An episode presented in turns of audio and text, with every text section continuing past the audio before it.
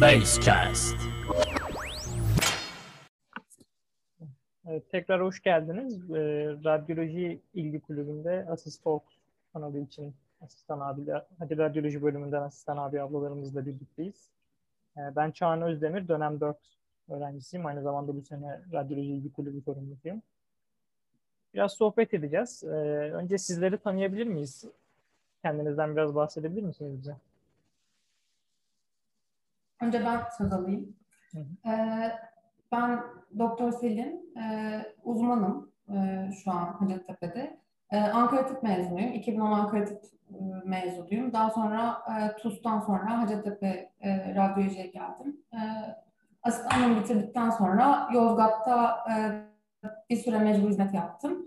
Ve mecbur hizmetim bittikten sonra da tekrar uzman olarak Hacettepe'ye geri döndüm. E, şu an kardiyovasküler görüntüleme ve toraks görüntülemesiyle ilgileniyorum.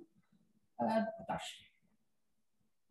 Ee, Ben devam edeyim. Ee, Ben e, Doktor Ömer. Ee, Ben de 2016 yılında Hacettepe Tıp Fakültesinden mezun oldum. Sonra 7 ay kadar e, Kırşehir Kaman'da mecburi hizmet e, yaptıktan sonra Hacettepe Radyoloji'ye başladım Nisan 2017'de. E, Şu andan 4 yılımı tamamladım. Son bir yıldır da radyoloji baş asistanı e, görevini sürdürüyorum. E, Kabaca bu şekilde. E, merhaba arkadaşlar, ben de e, Fırat Atak. E, ben de 2017 mezunuyum Hacettepe'den. E, şu an yaklaşık 3 seneye e, merdiven dayadım gibi. 3 sene olacağım yakın zamanda. E, halen radyoloji asistanı olarak çalışıyorum Hacettepe'deyim. Teşekkür ederiz.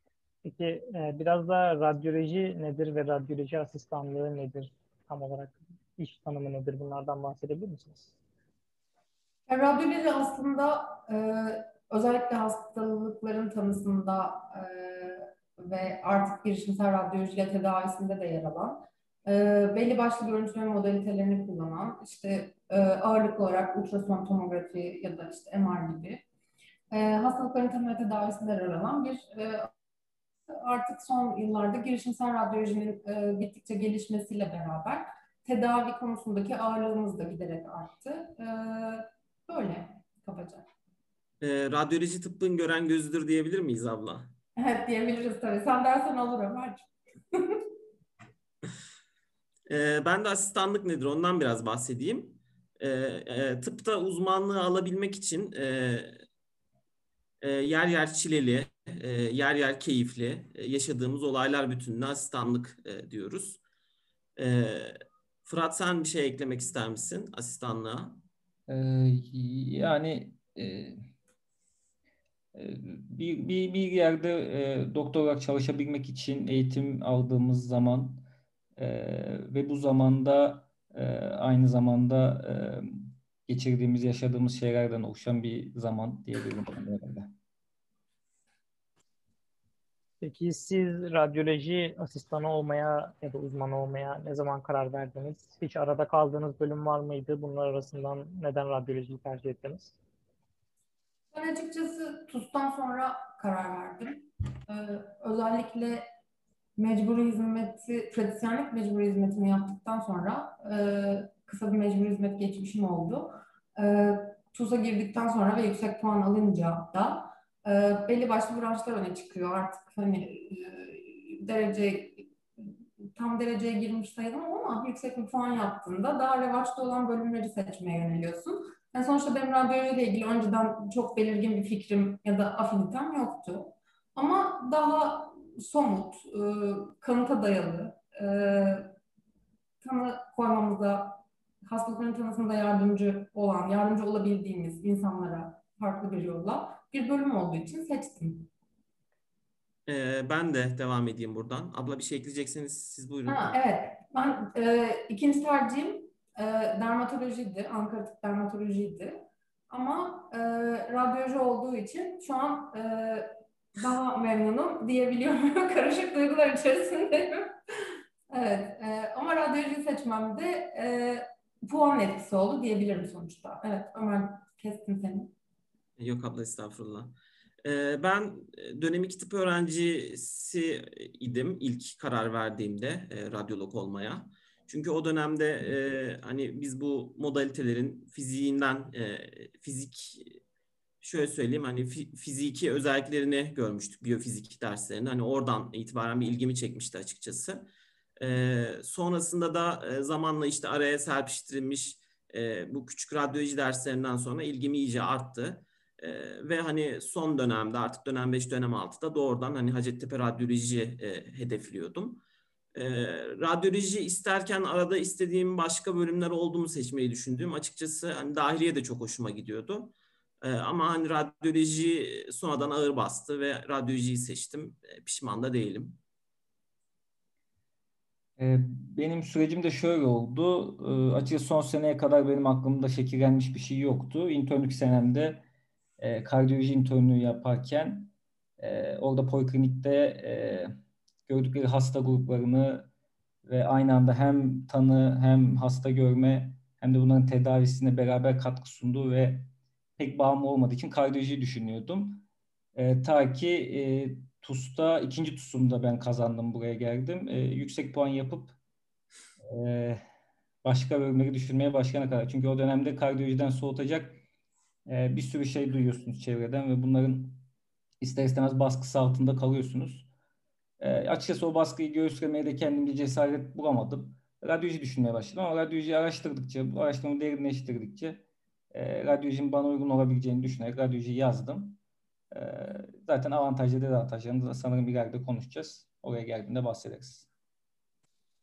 Peki Hacettepe Radyoloji yazmanızın özel bir sebebi var mıydı? Abla almak isteriz. Efendim? Ee, siz başlayın abla istiyorsanız biz. Yani ben aslında hani TUS'a girdikten sonra radyoloji e, açısından fakülteleri araştırmaya başladım. Eğitim Araştırma Yerine Tıp Fakültesi tercih etmek istiyordum zaten. Ve Hacettepe hani Türkiye genelinde radyolojide özellikle oldukça öne çıkan e, üniversitelerin başında geliyordu. O yüzden Hacettepe'yi yazdım. E, bende de şöyle bir durum oldu. Şimdi açıkçası birçok faktör var. Hani bunların en basit olanları Hacettepe mezun olduğum için zaten hani sistemini bildiğim, alışkın olduğum yere yazma eğilimi oluyor insanın. E, ikincisi Hacettepe çok büyük bir hastane ve e, çok farklı hasta grupları geliyor. İnanılmaz gelişmiş bir e, arşivimiz var. Çok farklı çeşitli hasta görüyoruz burada. Dolayısıyla hem büyük bir hastane olduğu için hem de e, kendi mezuniyet yerim olduğu için Hacettepe'yi zaten ön planda düşünüyordum. Yazdıktan sonra da gördüm ki hani bütün hocalarımız zaten alanında e, en iyilerden, hani oldukça hevesli, istekli akademisyenlerden oluşuyor ve e, eğitim anlamında da hani oldukça iyi bir eğitim aldığımızı söyleyebilirim. E, tüm bunlar açıkçası bizim Hacettepe Radyoloji'nin avantajları. Ben de yazma sürecinde ben de Hacettepe çıkışı olduğum için sonuçta küçük stajyer döneminde hocalardan aldığımız derslerde onları bir miktar tanıma şansımız ve işte hocanın isimlerine göre e, işte yazıp özgeçmişlerine falan bakma şansımız oluyor. O kısımda ufak bir etkilenme oluyordu. Zaten ben o dönem hep derdim her yiğidin gönlünde radyoloji yazar ama puan almaya bakar diye. o yüzden e, geldiği zaman da açıkçası e, hocaların e, yani background'un biraz etkili olması, Hacettepe'nin puanının e, yüksek olması tabii çok etkiliydi. E, bir de alıştığım bildiğim hastane. E, 6 senem orada geçmiş, her şeyini biliyorum. E, pek açıkçası başka yerlere dönüp bakmadım. Başka yere yazma şansım da vardı, gelmeme ihtimali vardı Hacettepe Radyoloji'nin ama e, açıkçası sırf Hacettepe olmadığı için de başka yere yazmayı pek düşünmemiştim. O yüzden benim için yani Hacettepe pek e, şey başka bölümler olsa da Hacettepe'yi yazacaktım diyebilirim sadece. Yani Hacettepe alışkanlığım ve Hacettepe'yi e, diğer hastaneye karşılaştırdığımda özellikle fiziki şartlarının ve e, hoca portföyünün iyiliğinden dolayı diyebilirim. Bir de kıdem meselesi var tabii asistanlıkta. Bu e, Hacettepe'de ve Hacettepe Radyoloji'de tam olarak nasıl işliyor? Bundan bahsedebilir misiniz? E, bunu ben başlayayım. E, şimdi şöyle, bizim asistanlığımızda aslında kıdem e, yıla göre değil daha çok rotasyona göre e, belli olan bir şey. Tabii ki yılın etkisi var. Mesela 4 yıllık bir asistanla bir yıllık asistanın kıdemi elbette eşit olmuyor. Yani çok fa- faz, farklı modalitelere hakim olmuş oluyor 4 yıla gelen birisi. E, fakat hani bizde e, rotasyon usulü döndüğü için işler e, o rotasyonu daha fazla yapan kişi yıl olarak geride olsa bile o rotasyonun kıdemlisi oluyor. Dolayısıyla e, belli bir yıla kadar herkesin herkesin kıdemlisi olabildiği için öyle arada katı bir e, hiyerarşi yok. Siz bakmayın Fırat'ın asker kesim saçlarına. E, sizi aldatmasın. E, Fırat sen bir şey eklemek ister misin? Ee, ya ben şöyle e, yani diğer branşlara karşılaştırdığımız zaman cerrahi branş tabii bu kıdem şeyinin zirve yaptığı bir yer. E, radyolojide çok fazla bir angarya iş olmadığı için e, diyebilirim. O yüzden de pek kıdeme ihtiyaç kalmıyor açıkçası. E, bizde girişimsel biraz cerrahi yaklaştığı için hani orada belki düşünülebilir böyle bir şey. Ama orada da e, yani en fazla kasık basmak ve rapor yapmak olabilir herhalde. Angarya çömezin yapabileceği. Yani onun dışında pek bir kıdem şey hissedilmez radyolojide. E, yani Ömer'in dediği gibi rotasyon bazlı oluyor. Bir kıdemli bir yerde daha kendinden daha e, yeni birinin çömezi olabiliyor. E, yani kıdem açısından çok şey bir yer. Rahat bir yer yani. Yıllar geçtikçe asistanlık sürecinde neler değişiyor? Bir asistanın yaptığı işler ya da beklentiler Şöyle genelde e, ilk 2-3 ay içerisinde zaten kimsenin bir beklentisi olmuyor. Hani çevreye uyum sağlamak, kabaca modaliteleri görmek, işleyişi anlamak. E, ama e, zamanla hani kıdemlendikçe, yıllar geçtikçe beklenti artıyor, sorumluluk artıyor, iş yükü artıyor. Yapılması gereken, yerine getirilmesi gereken sorumluluklar oldukça artıyor. Hani başlangıçta temel vermeniz gereken mücadele hani işte nöbetlerden sağ çıkabilmek, e, işte o yorucu yıpratıcı nöbetlerden. E, ilerledikçe tabii ki nöbet sayısı azalıyor fakat işte dahil olduğunuz çalışma artıyor. Bir yandan tez, işte bir yandan uzmanlık, uzmanlık sonrası planlamalar. İşte bulunduğunuz rotasyonun kıdemlisi siz oluyorsunuz. Hani herkes yani tüm işler size bakıyor. E, doğru bir şekilde koordine etmeniz gerekiyor işleri. Dolayısıyla hani böyle bir bir yandan işte nöbetler azalırken bir yandan sorumluluklar artıyor. Dolayısıyla hani sürekli belli bir yoğunluk seviyesinin üzerinde bir asistanlık hayatımız oluyor diyebilirim. Fırat sen bir şey söylemek ister misin? Ben de şöyle söyleyeyim. Şimdi yani vakit vakit geçtikçe aslında yani sorumluluğu aslında erken aldığınız için radyolojide diğer branşlara karşılaştığında çünkü diğer branşlarda daha çok servis sorumlusu olup e, iş takibi yapmak üstünden yürüyor sanırım çömezlikte işler ama bizde e, ilk andan geldiğin ilk andan itibaren belli bir alışma her e, rotasyona belli bir alışma periyodundan sonra direkt o bölümle alakalı rapor yapmaya başlıyorsun. O yüzden sorumluluk biraz erken geliyor. Erken geldiği için ilk başlar biraz e, zorlayıcı ve dramatik olabiliyor belki ilk dönemler ama e, hem her an işin içinde olman, ilk baştan bir işin içinde olman e, biraz daha işi keyiflendiriyor bence. E, çünkü daha yani eğitildiğin şey için çalışıyor oluyorsun orada. Bu iyi bir şey bence. Vakit geçtikçe değişen şey evet biraz daha sorumluluk artıyor. Biraz daha planlama işin içine giriyor. Diğer arkadaşlarımın sorumluluğu işin içine giriyor. Nöbetlerde yani daha yeni başkan arkadaşlarımıza destek olmak için içine giriyor.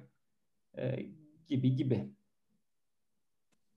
Biraz da nöbetle ilgili bir şey soracaktım sıradaki soruda. Çalışma koşullarınız nasıl? Memnun musunuz? Nöbet sayısı, sıklığı nasıl ve bir de merak edilen bir konu var radyolojide şu ay izni diye. Senede gerçekten iki ay tatil mi yapıyorsunuz? Nasıl oluyor?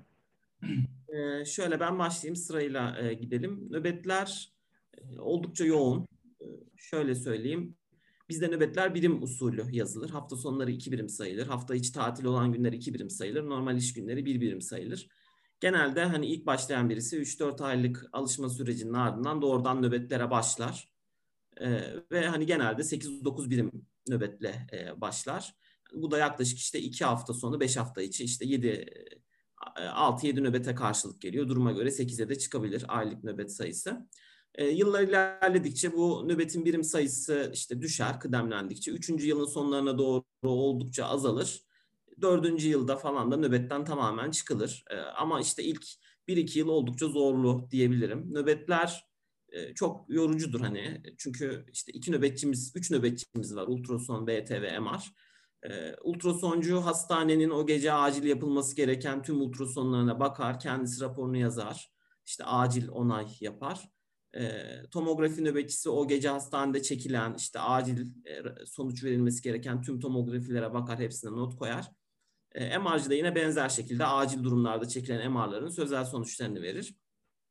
MR diğerlerine göre biraz daha rahat olsa da genel olarak hani e, nöbetlerimiz oldukça yoğun. E, onun dışında e, çalışma koşullarına gelecek olursak çalışma koşulları bulunduğumuz rotasyona göre çok değişiyor. Hani daha rahat olan rotasyonlarımız var. Daha özverili çalıştırmamız gereken e, rotasyonlar var. E, ama e, hani tetkik yükü de oldukça fazla olduğu için genel olarak yoğunuz. Yani yoğun bir bölümümüz. Hani sadece asistan düzeyinde de değil. Hani tüm öğretim üyelerimiz, hocalarımız herkes özverili bir şekilde çalışıyor. Raporların işte vaktinde çıkması için, doğru çıkması için e, olabildiğince özveriyle çalışıyoruz ve yoğun bir bölümümüz e, genel olarak. Ee, onun dışında şu ay iznine gelecek olursak e, yılda bir ay şu ay iznimiz var. Onun dışında normal iznimiz var işte 20 gün kadar. Genelde şu ay iznini kullanıyoruz. Sadece yılda bir ay iznimiz oluyor yani asistanlık döneminde. Uzmanlık döneminde belki farklı olabilir. Hani onu çok bilmiyorum. Ee, başka soru var mıydı yanıtlamadığım? Yok abi bunlar vardı. Ee, Fırat bir şey eklemek ister misin? Atladığım bir şey varsa. Bence Ömer gayet iyi anlattı yani benim ekleyecek bir şeyim yok açıkçası. Çalışma şartları, koşulları konusunda bir ek yapabilirim. Yani dinlenme odalarımız var. Ee, BTC'nin de ultrasonuncunun da nöbette e, dinlenebileceği alanlar var. Ee, yani ama nöbetler Ömer'in dediği gibi yoğun geçiyor. Pek e, vakit olmuyor açıkçası. 2-3 saat belki e, dinlene, dinlenebildiğimiz vakit oluyor. Bir de benim asistanlığıma göre çok artan bir yoğunluk var yani yıllar içinde. E, gittikçe artan, her yıl gittikçe artan bir tetkik yükü ve e, teorik yük zaten ayrı. O da asistanlığın başka bir zor tarafı. Ama tetkik yükü de gittikçe artıyor ve artık hani bizim asistanlarımıza göre nöbetlerin çok daha yoğun geçtiğini ben de gözlemliyorum. Evet. Yani ultrason yaklaşık 20-25 herhalde. BT içinde yaklaşık e, bir 50-60 hafta içi tetkik bakılıyor. Bir belki daha fazla. E, tabii orada şeyin de etkisi olabilir yani asistan sayımız artıyor ama bir yandan da yani cihazları iyileşiyor, gelen hasta sayısı artıyor. E, acilcinin sayısı arttıkça oraya alınan hasta, kabul edilen hasta sayısı artıyor. Tabii bunların hepsi tetkik sayısının artması dolayısıyla bizim iş yükümüzün artmasına sebep oluyor. Ee, Selin abla size bir sorum var. Uzman olduktan sonra e, hayatınızda neler değişti?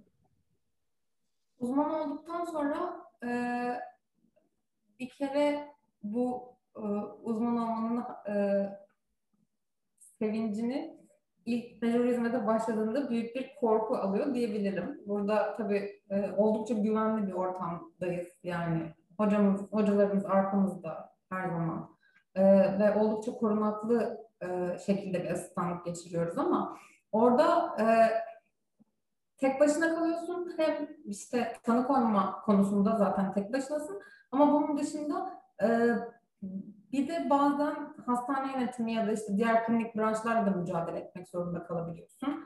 Özellikle e, devlet hastanesinde çok fazla hasta yoğunluğu da olduğu için örneğin poliklinik hastaları gibi diğer branşlar için de dolayısıyla radyolojiye gönderilen hasta sayısı çok artıyor. Gereksiz tetkik de çok artıyor ama e, iş yükün de artıyor. O kadar gereksiz tetkikin içinde gerçekten gerekli olan hastayı bulmak e, önem kazanıyor.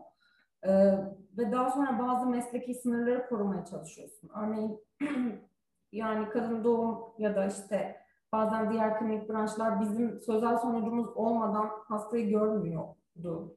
Örneğin benim mecbur hizmet yaptığım yerde. Ee, ki böyle şeyleri de sık sık duyuyoruz zaten. Daha çok sorumluluk üstlendiğin, biraz daha korkutucu bir dönem oluyor başlarda ama sonra alışıyorsun.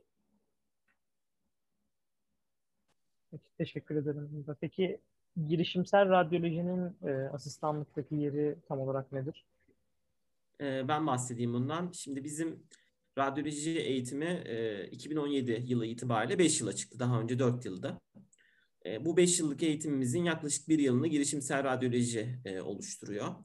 E, yani kabaca şöyle e, 4 ay non-vasküler girişimsel radyoloji, 4 ay nörovasküler girişimsel radyoloji ve 3 ayda periferik vasküler girişimsel radyoloji 11 ay e, toplam eğitim alıyoruz.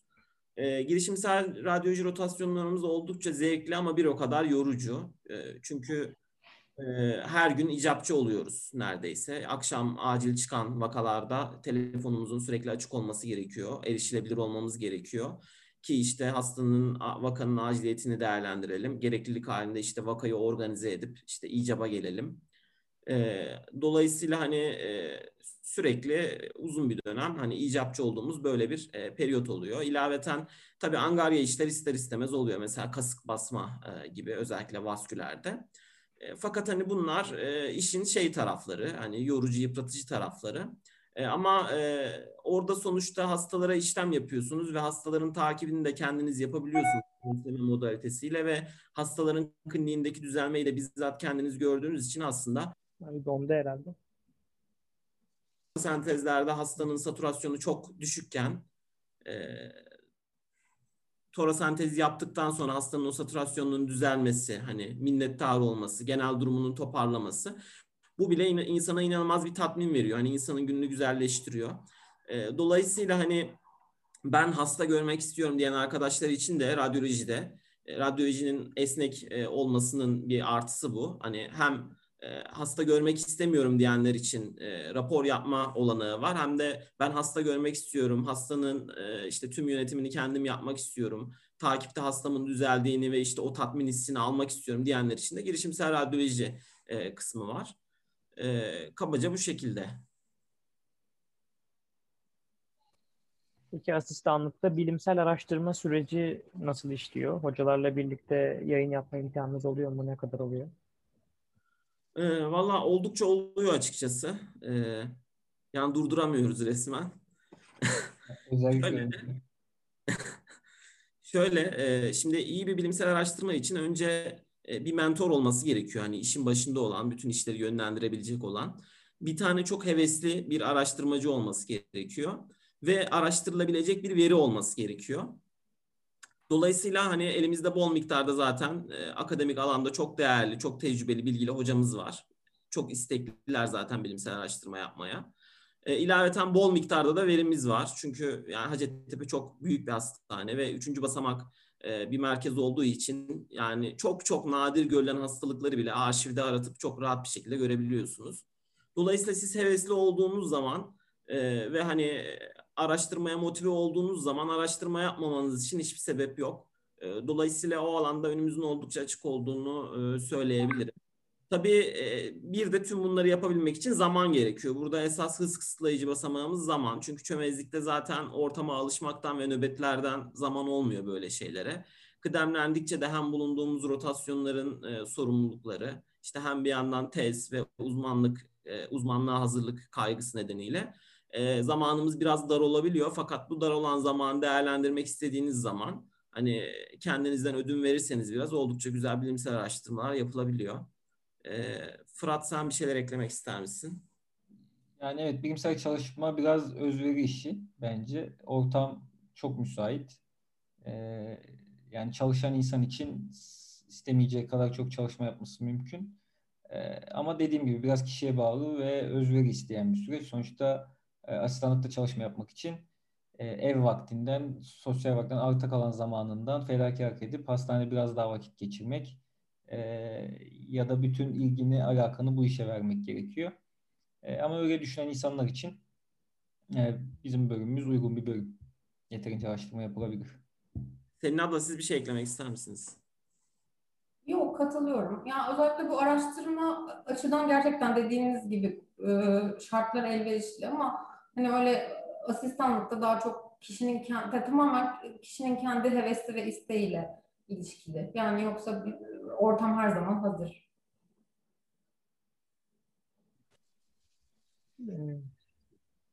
Kendinizi geliştirmek için e, ayrıca yaptığınız ek, ek bir şeyler oluyor mu?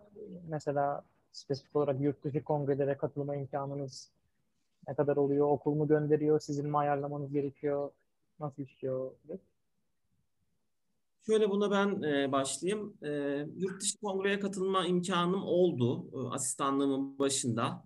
E, hani yıllık iznimde gitmiştim. Biraz kendim ayarladım gibi oldu açıkçası. Yurt içi kongreye de katılma imkanım oldu. O da yine asistanlığın başında. Sonrasında da aslında yurt dışı kongrelere katılma olanağı buldum. Fakat işte bu pandemi süreci araya girdiği için hepsi online kongreye döndü. Onlara online olarak e, katılabildik. Yine bu da hani Fırat'ın da belirttiği gibi kişinin hevesine, ilgisine, isteğine bakıyor. Mesela ben e, yurt dışı bizim iki büyük e, cemiyetimiz var. Bir tanesi Avrupa Radyoloji Cemiyeti, bir tanesi Kuzey Amerika Radyoloji Cemiyeti.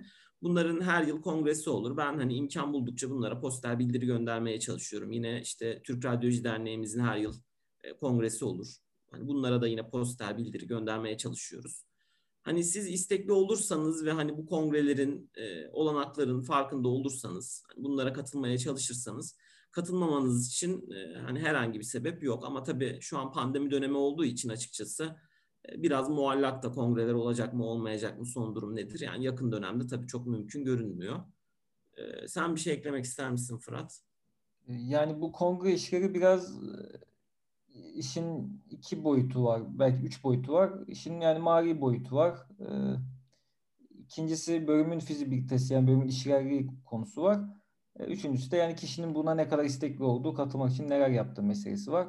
Mali kısmı yani çok bölümler tarafından değil de ya kendinizce karşılamanız gereken ya da e, firmalar tarafından karşılamanız gereken bir şey oluyor. Bölümümüzde yani bu konuda bağlantıyı kurmak için e, arabuluculuk yapmak konusunda yani destekliyor ve bir, özellikle oraya herhangi bir bildiri gönderen e, veya sözlü bildiri gönderen, çalışmalarını gönderen kişilere öncelik verecek şekilde hemen hemen her kongreye katılım sağlanma konusunda destek oluyor. Özellikle yurt içi kongrelere e, yani hemen hemen her sene 4-5 kişi benim başladığım dönemden itibaren giden oluyordu. E, tabii bu süreç pandemi süreci biraz işleri değiştirdi. Online'a döndü ama online'a döndükten sonra da tabii bizim daha rahat katılma şansımız oldu. Yani canlı kongreler gibi olmasa da e, online kongrelerin olması aslında asistanların daha fazla bu işe katılmasının önünü açtı diyebilirim. E, yani onun dışında e, yani bir şey takip edilebilir. İnternetten e, böyle artık pandeminin başlamasıyla beraber fark ettiğim ve yaygınlaşan webinarlar düzenleniyor. Online toplantılar.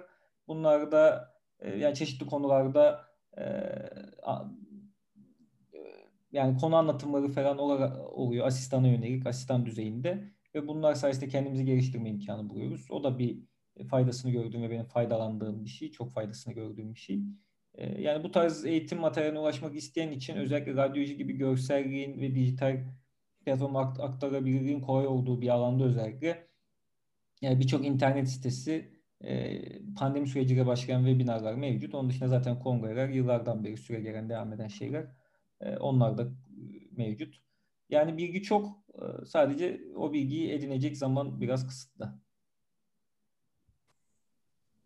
Bu Assist Docs'un başka bölümlerinde başka yani tıp asistanlık bölümleri için kendine zaman ayırmak bile çok zor dendiği olmuştu bazı asistan abiler ablalar tarafından. Radyoloji için de böyle mi bu durum?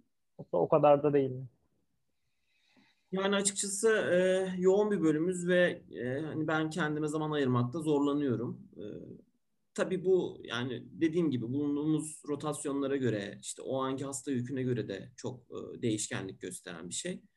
E, sonuçta hani bir yerlere varmak için bir şeylerden e, ödün vermeniz gerekiyor. Hani akademik anlamda ilerlemek istiyorsanız işte kendinize ayırdığınız zamanı kısabilirsiniz. Akademi düşünmüyorsanız işte hobilerinize zaman ayırabilirsiniz ama sonuçta zaman sınırlı olduğu için o zamanı doğru şekilde yönetmeniz gerekiyor. Ee, yani en önemli şey zaman denildiği gibi. Yani ben de bir şey ekleyeyim. Mesela ben de başladığım ilk bir senelik süreç, bir buçuk senelik süreç aslında e, pandemiye denk gelmeyen süreç boyunca değerlendirebilirim belki bunu. Zaten sonrasında pek kendimize ayıracak bir zaman kalmadı. Ee, ama ilk bir buçuk senem en yoğun dönemi radyolojinin belki de en çok nöbet tuttuğun, daha çok böyle girişimsel bölümlerine gittiğin e, o dönemlerde evet, pek bir vakit bulabildiğim söylenemez. Yani şu dönemlerde evet vakit buluyorum ama yani tabii pandemi dolayısıyla vakit bulduk bulmama rağmen değerlendirebildiğim bir ortam yok. Ee, ama bulunamaz değil. Özellikle iki, iki buçuk senelik zamanda nöbetlerin azaldığı zamanlarda e, mesai düzenine dönülüyor ve saat 5'te çıktıktan sonra e, bütün zaman senin ondan sonra ne yapmak istediğin tamamen sana kalmış bir şey. E, istersen hastanede kalıp çalışma yapabilirsin, istersen e, eş dost görüşebilirsin. Onlarla vakit geçirebilirsin. Nasıl istersen yani. Radyoloji asistanlığına hiç e, yurt dışında başlamayı düşündünüz mü? E, veya Selin abla uzman olarak yurt dışına gitmeyi düşünüyor musunuz? Asistanla yurt dışında yapmayı hiç düşünmedim. Açıkçası e, uzman olduktan sonra da e, burada uzmanlık yapma şansını elde ettikten sonra hani yurt dışı ile ilgili şu an bir düşüncem yok. Ee, ben asistanlıkta yurt dışını hiç düşünmedim. Benim de hiç aklımın ucundan bile geçmiyordu.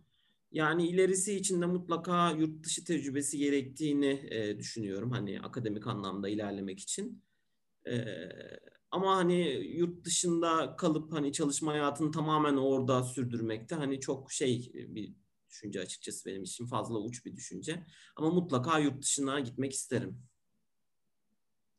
Ya ben de zor bir süreç olduğunu düşünüyorum. Asistanlık sürecinde e, herkes kadar düşünmüşlüğüm vardır. Yani sağdan soldan duyduğum şeylerle ilgimi çekmişliği vardır. Birkaç kere toplantısına gittim ama hiç ben ciddi düşünmedim açıkçası. E, bir, bir tek sadece TUS'tan sonra belki USMLE steplerinden başlayabilirim diye düşünmüştüm. E, yani o da kaldı. Yani çok böyle uzun uzun düşündüğüm bir şey değildi. Yani ama gelecekte olur mu derseniz yani kafamın bir köşesinde olan bir şey kısa vadeli veya devamlı olarak e, yurt dışına gitmeyi düşünebilirim. E, ama tabii çok zor, zahmetli ve çetin bir süreç o. E, yani onu düşünüp kesin kararı verme şeyi yani henüz bende oluşmuş bir şey değil. Açıkçası çok zor olduğunu düşünüyorum. Ama e, özellikle ülkemiz şartlarında biraz aklımın bir köşesinde var diyebilirim yani asistanlığın bir kısmını yurt dışında yapma gibi bir seçenek oluyor mu ya da yapan duydunuz mu hiç? Ee, böyle bir seçenek eskiden oluyordu. Şu anda tabii pandemi e, süreci olduğu için işler karışık açıkçası. Hani şu anda pek olmuyor. Bildiğim kadarıyla Selin abla siz gitmiştiniz galiba değil mi? Asistan. Hı hı. Belki bilgi verir. Yani tabii rutin bir uygulama yok bu konuda ama hani bireysel e, e, kişinin tamamen bireysel isteğine, çabasına, e, zamanına bağlı. Tabii belli bir süreyi daha fazla gidemiyoruz zaten asistanlıkta. Ama bir dönem dört aylığına yurt dışına gittim e, gözlemci olarak. Ama hani rutin bir uygulama değil. Yani benim bekleyeceğim bir şey yok açıkçası. Tamam yani. E, radyolojide acilleriniz var mı? Gece ne sıklıkla çağırıyorsunuz? Yani şöyle dediğim gibi 3 tane nöbetçimiz var. Bunlar zaten sıklıkla aranıyorlar e, nöbette. Onun dışında girişimselde de yine 3 tane girişimselden bahsettim. Non-vasküler, vasküler ve nörovasküler. Bunlardan da birer tane icapçı var. E, bunlar da hani orada icapçı oldukları tüm süre boyunca işte her an aranabilirler. E, onun dışında zaten nöbetçi ya da icapçı değilseniz gece boyunca aranma olasılığınız pek yani yok gibi bir şey. Belki yanlışlıkla aranabilirsiniz. Birisi sizin zannediyordur. yani bu oluyor arada. E, onun dışında yani elinizdeki mevcut rapor işlerinizi bitirdikten sonra ekstradan hastanede kalmanızı gerektirecek ya da işte oradan size aramalarını gerektirecek başka bir durum ortaya çıkmıyor. Yani Murat bir şey eklemek ister misin? Yani burada Ömer'in dediği gibi girişimsel e, zamanlarında acil geldiğimiz durumlar olabiliyor. E, Bunda da sayı bir ayda en fazla nörovasküler oluyor diyebilirim. Ayda 5 stroke icabımız var. Ee, bu stroke icaplarında hemen hemen her icapta geliyoruz. Ee, en az bir, en fazla da böyle 3 hasta falan alıyoruz. Ee, yani hesaplarsak aslında bir ayda böyle 10 hasta için gelmiş oluyoruz yaklaşık. Nöro girişimsel için konuşursak. Non-vasküler için konuşursak da parasentez ve torasentezler e, çömezlik döneminde yani iki kere evet. döneminde geldiğimiz e, vakalar parasentez çok olmasa da torasentez için e, bir ayda 5-6 sefer belki geldiğimiz oluyordur diyebilirim. E, onun dışında apse drenajı, nef acil nefrostomiler olabiliyor. E, bunlara da genelde e, kıdemli asistan ya da uzman eşliğinde gelip yapılabiliyor. O da bir ayda 8'i 9'u geçeceğini düşünmüyorum toplamda. Vasküler nispeten daha az e, periferik vasküler. Periferik vasküler içinde böyle acil kanama hastalarında embolizasyon için falan gelindiği oluyor. E, onun da 3-4 civarı olabileceğini düşünüyorum. Nadiren bir de diseksiyon için falan gelinebilir. O şekilde. Onun dışında zaten nöbetler var. Yalnız bir de şunu eklemek istiyorum. Uzmanlık sonrası e, icap yükü çok fazla. Özellikle şehir merkezindeyseniz ve büyük bir hastanedeyseniz özellikle e, yine tek hekim olduğunda hani nispeten e, bazen daha hafif geçtiği olabiliyor ama özellikle birkaç kişi, kişiyseniz büyük bir hastanedeyseniz gerçekten radyolojinin icapları mecbur hizmete de ağır geçiyor. Ee, özellikle burada evet asistanlarımız burada var hani e, nöbet tutuyorlar ama orada tabii e, uzman olarak siz e, icaplarla görev alıyorsunuz. Tomografilerle e, bakmak olsun, ultrasona gitmek, e, ultrason yapılması gereken hastalar için hastaneye gitmek olsun. İcaplar yoğun geçiyor mecbur hizmet döneminde. Peki bu girişimsel işlemler dışında zaten görüntü odaklı bir bölüm olduğu için böyle evde uzaktan bilgisayardan çalışayım gibi bir seçenek oluyor mu? Ya mecbur hizmette e, mesela biz tomografilere uzaktan bakabiliyorduk. Çünkü çok fazla tomografi çekiliyordu. E, her tomografi için hastaneye gideme, gidemeyiz zaten. Yani öyle bir sistem yoktu. Hani en azından o kolaylık sağlanmıştı. Evden bakabiliyorduk ama örneğin toplu trafik kazası gibi uç durumlarda tabii hastaneye gitmemiz gerektiği oluyordu tomografi bakmak için de. E, ultrason için zaten e, gidiyoruz tabii ama uzaktan erişim radyolojinin avantajı diyebilirim.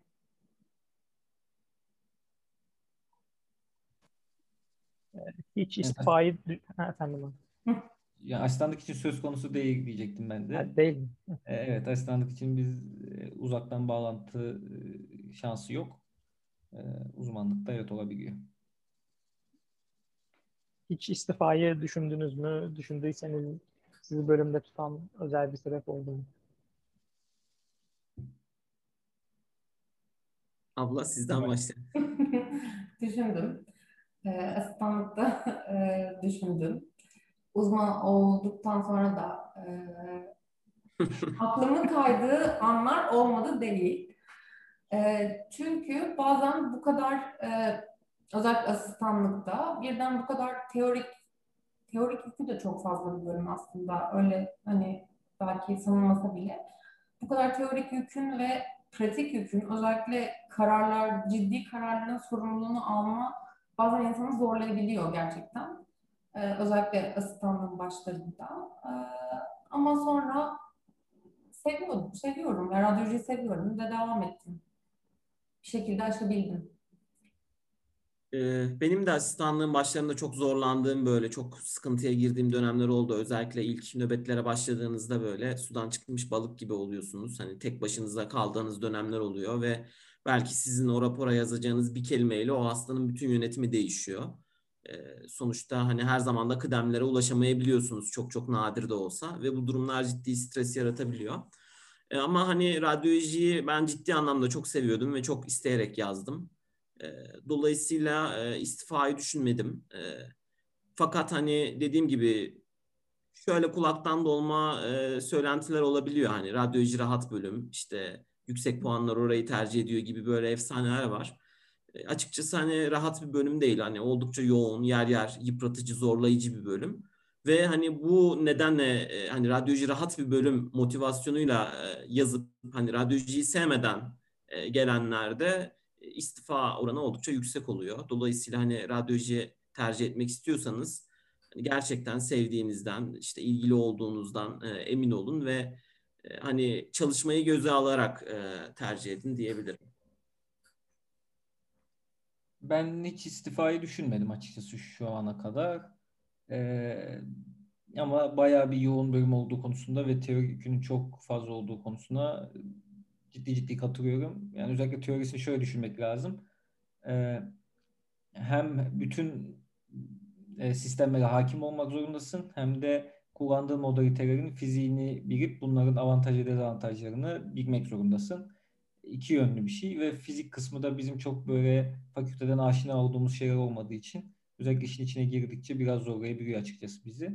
Ee, evet yani bu, bu işin biraz e, can sıkabiliyor özellikle başlangıç dönemlerinde. fakülte hayatında en azından ben dördüncü sınıfım şimdiye kadar radyolojiye dair okul derslerinde çok bir şey görmedik açıkçası teorik olarak. Mezun olana kadar ne kadar göreceğiz bilmiyorum. Böyle mezun olup direkt asistanlığa başlayıp rapor yaz denildiğinde hani hmm, zor olmuyor mu? Bu teorik açığı nasıl kapatmak gerekiyor? Ders mi oluyor? Nasıl oluyor?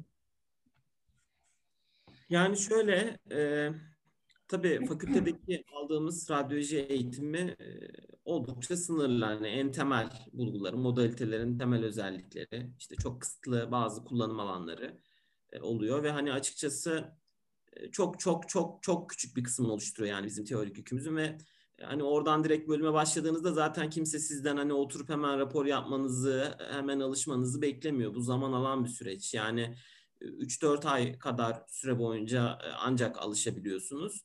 E, onu da yani hem teorik işi var, hem teorik kısmı var işin hem de pratik kısmı var. Yani tabii ki kitap okuyarak işte textbook okuyarak bir takım teorik açıklarınızı kapatabilirsiniz ama e, işte tomografi görerek, ultrason yaparak, işte yanınızda bir hoca ile bunları raporlayarak, nasıl raporlandığını görerek, işte rapor şablonlarını, kendinizden kıdemlilerin hangi durumda neler yaptığını görerek e, biraz difüzyon yoluyla da öğrenme gerekiyor açıkçası. Yani bu pratik öğrenmeyi e, bölüm dışında yapabileceğiniz bir yer yok. Yani teorik olarak çok iyi bir teoriye sahip olsanız bile oturup sular seller gibi raporlayamıyorsunuz. Çünkü raporlama işi e, tamamen bambaşka bir boyut. O da e, raporladıkça oluyor. Zamanla olan bir şey yani. Dediğim gibi kimse sizden ilk aylarda oturup hani harika raporlar yapmanızı zaten beklemiyor. E, Fırat sen bir şey eklemek ister misin? Yani ilk aylarda dert edilecek şey aslında acil nöbetlerinde gördüğün bir şeyi tanıyabilmek. Oluyor. Aslında raporlama kısmı Ömer'in dediği gibi çok farklı yani kendine özgü dili olan ve bazı şeyleri yani tanımlayabilmek için onu tanımlayandan duymak gereken şeyler oluyor. Bu hiçbir kitapta hiçbir yerde yazan şeyler olmuyor. E, ama acil radyolojide bizim verdiğimiz sözel sonuçlar kısmında e, ilk 3-4 ay süreçte zaten şöyle oluyorlar. Yani tuz sürecinden kalma anatomi bilgisiyle geliyoruz. Radyolojinin büyük çoğunluğunda oluşturan şey anatomi oluyor.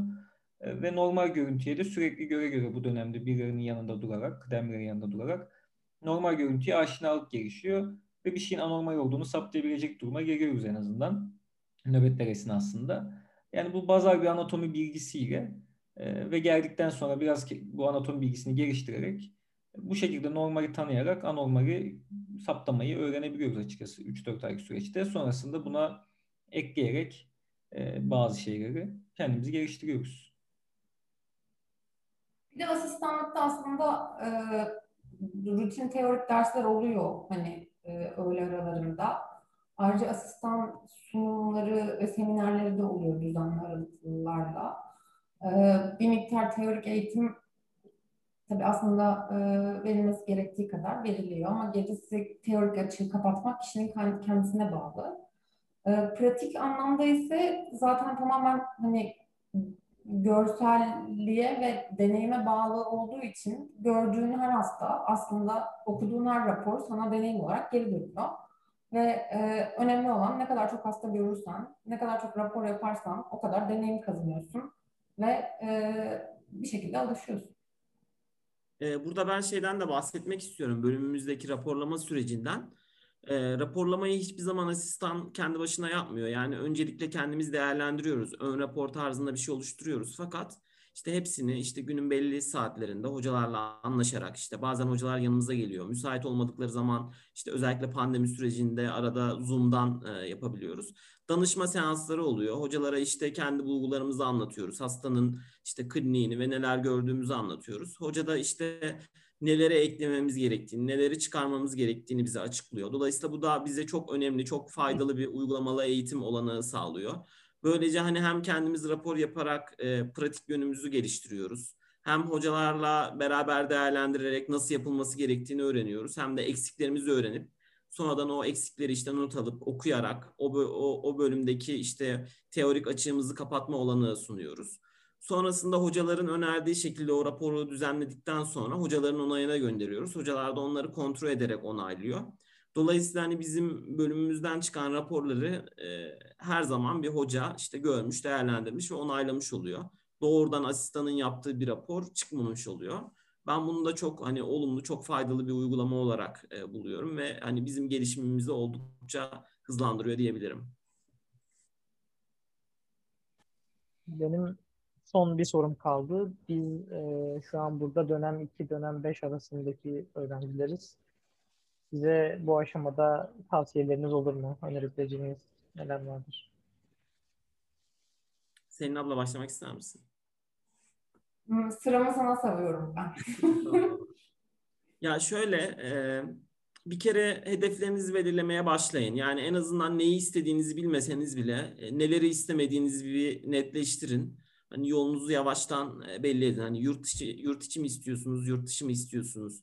Temel mi istiyorsunuz, e, klinik mi istiyorsunuz? İşte klinikten neleri istemiyorsunuz, neleri istiyorsunuz? Hani yavaş yavaş e, hangi uzmanlık alanında ne şekilde ilerlemeniz gerektiğini belirleyin. Çünkü rotanızı belirlemeniz sizin sonraki adımlarınızı belirleyerek o rotaya daha kolay şekilde ulaşmanızı sağlar. Ee, onun dışında yani prensipleriniz olsun. Hedefi belirledikten sonra o prensiplerin dışına çıkmayın. Hani o amacınız uğrunda e, gereken fedakarlıkları yapın. E, kabaca diyebileceklerim bunlar. Fırat sen bir şey eklemek ister misin? Ee, yani özellikle evet Ömer'in dediği gibi ne istediğinizi belirlemek önemli. Belki yani ikinci sınıftaki bir insan için erken olabilir gerçi. Ömer çok hedefe odaklı bir şekilde dimdirek gitmiş ama bilmiyorum ikinci sınıf yani erken sınıflarda özellikle bence üniversitenin sunduğu imkanlar e, sosyal anlamda, dil anlamında yani bunları faydalanmak çok önemli. Çünkü asistanlık sürecinden itibaren e, sorumlulukla birlikte e, sorumluluğun artmasıyla birlikte vakit azalıyor. Kişinin kendisine ayırabileceği vakit ister istemez öğrencilik zamanı göre azalıyor. Bence öğrencilik zamanında üniversitenin sunmuş olduğu sosyal imkanlardan, yurt dışı imkanlarından, Erasmus'tan, dil okullarından, bilmiyorum çeşitli kulüplerden falan faydalanmak lazım. Çünkü e, iş hayatında olay sadece bir şeyi ne kadar iyi bildiğin değil, e, senin karakterin ve başkalarıyla anlaşabilme e, becerinle de alakalı. Bunları geliştirebileceğiniz zamanlar bence bu zamanlar. Özellikle erken sınıftaki arkadaşlar için konuşuyorum. E, yani kovalasınlar bu tarz şeyleri de.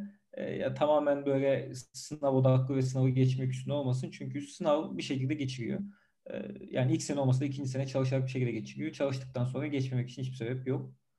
E, yani onun dışında benim önerebileceğim ek bir şey yok. E, yani bu şekilde. Şunu söylemek istiyorum e, son olarak.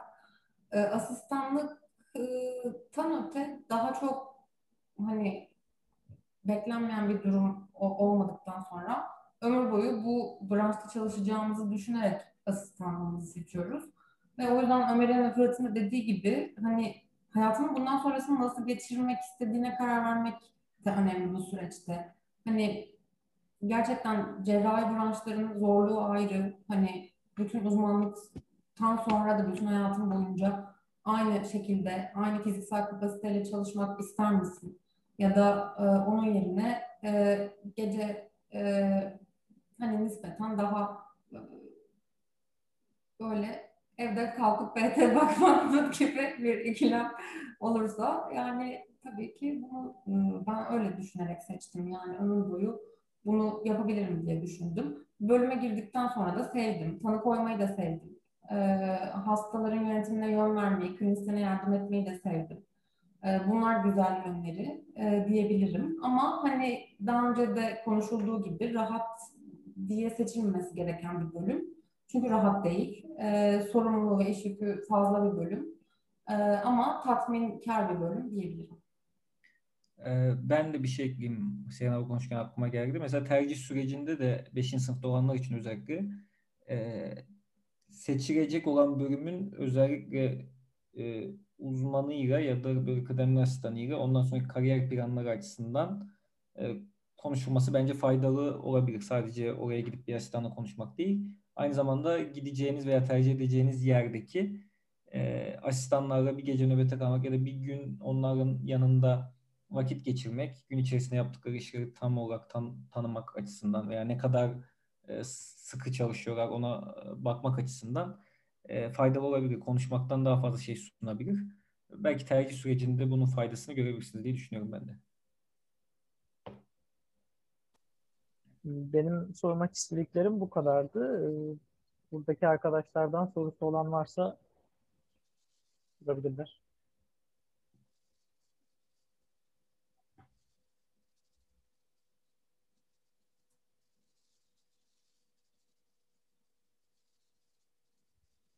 Yok Hiç herhalde. mu gençler? Hadi soru sorun.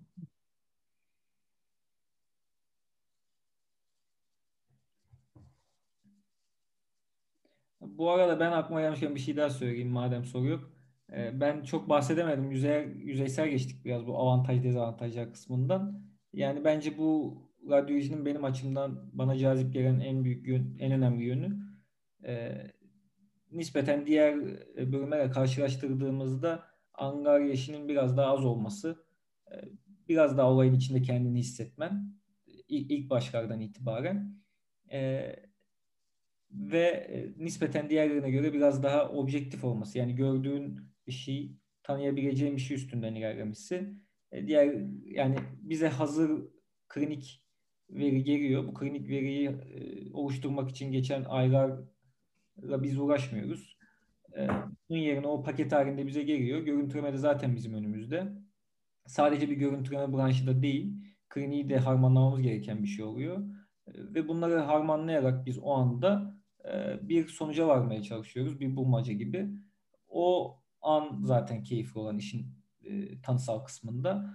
E, ama mesela bir dahili branşta bu sürecin gelişimi biraz daha uzun oluyor ve bunları oluşturmak asistana kalıyor. E, o da işin biraz angarya kısmı oluyor maalesef. Ama bizim için bu söz konusu değil. Biz direkt onu dakikasında e, görüp yorumlayabiliyoruz. Bu iyi bir şey bence. E, bir de tabii daha sonra uzmanlıkta e, girişimsel veya tanısal kısmına yönelirken mesela tanısal kısmına yönelip e, biraz daha ofis tarzı çalışabilirsiniz. E, daha e, mesai gibi çalışabilirsiniz. Ama işin girişimsel kısmında da biraz daha aktif, hareketli, heyecanlı, challenge'larla dolu bir hayat yaşayabilirsiniz.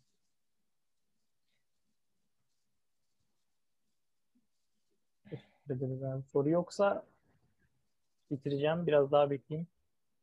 Belki aklıma bir şey gelen olur. Ben bir soru sormak istiyordum. Dönem 4 öğrencisiyim. Şunu merak ettim. Siz dediniz ya klinikle birlikte harmanlıyoruz, bize veri hazır geliyor diye. Hacettepe'deki çalışma ortamınızda peki kliniktisyenlerle sizin iletişiminizi nasıl değerlendirirsiniz? Onlardan gelen istemlerde ya da sizin geri, geri bildirimlerinizde iletişimsizlik yaşadığınız noktalar oluyor mu? Nasıl geçiyor o süreç onu merak ettim. Teşekkürler. Senin abla? Şimdi aslında e, klinisyenlerle iyi e, ilişkiler e, bizim işimizin daha iyi e, sonuçlanmasını sağlıyor diyebilirim. E, doğru klinik bilgi, doğru yönlendirme, e, doğru fizik muayene, belki küçük klinik ipuçları bizim özellikle ayırıcı tanı yapmamızda çok yardımcı oluyor. Dolayısıyla klinisyen radyolog işbirliği hem klinisyen için hem radyolog için e, tanı sürecinde çok önemli. E, bu mecbur hizmette zorluklar yaşadım ama buraya geldikten sonra belirgin bir zorluk yaşamadım henüz. E, ama gerisini zaman gösterecek.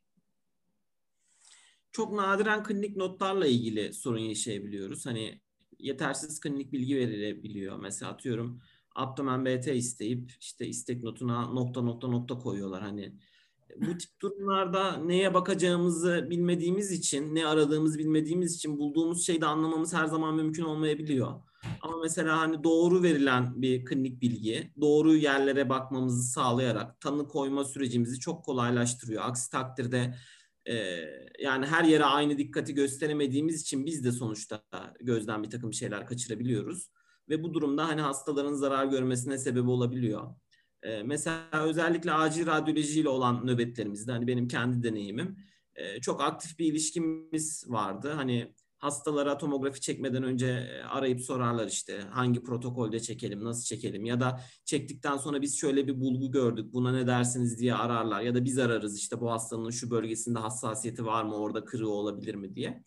ben bu tip ilişkilerin olması gerektiğini ve hasta için de çok faydalı olduğunu düşünüyorum. Çünkü biz hastanın kliniğine hakim değiliz. Hani bir kosta kırığını her zaman çok iyi göremeyebiliyoruz ama işte mesela acilde o hastayı muayene eden hekim o kostanın üzerindeki hassasiyeti bildiği için bize doğru bilgi verirse tanı koymamız oldukça kolaylaşıyor.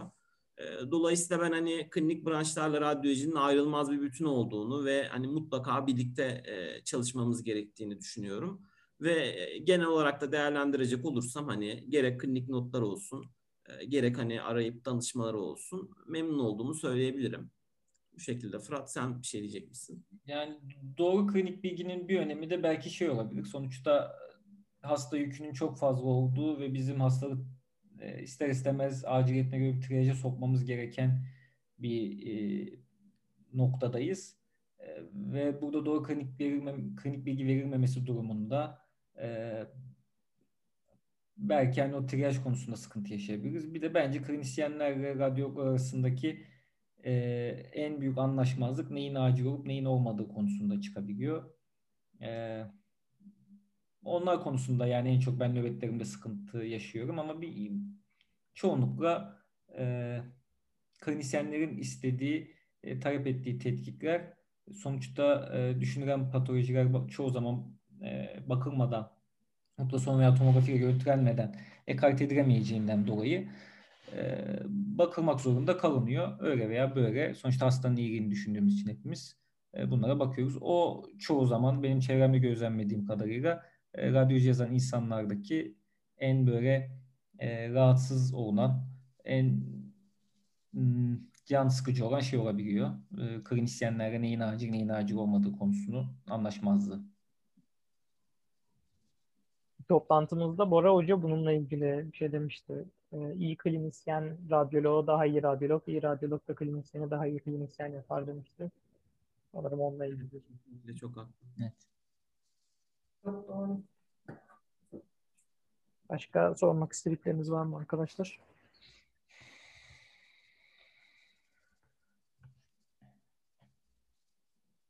Yoksa o zaman Selin abla, Ömer abi, Fırat abi çok teşekkür ederiz. Katıldığınız için, Evet. Teşekkür ederiz. Yüz yüze de görüşürüz umarım okulda bir gün. Görüşmek üzere. Görüşürüz.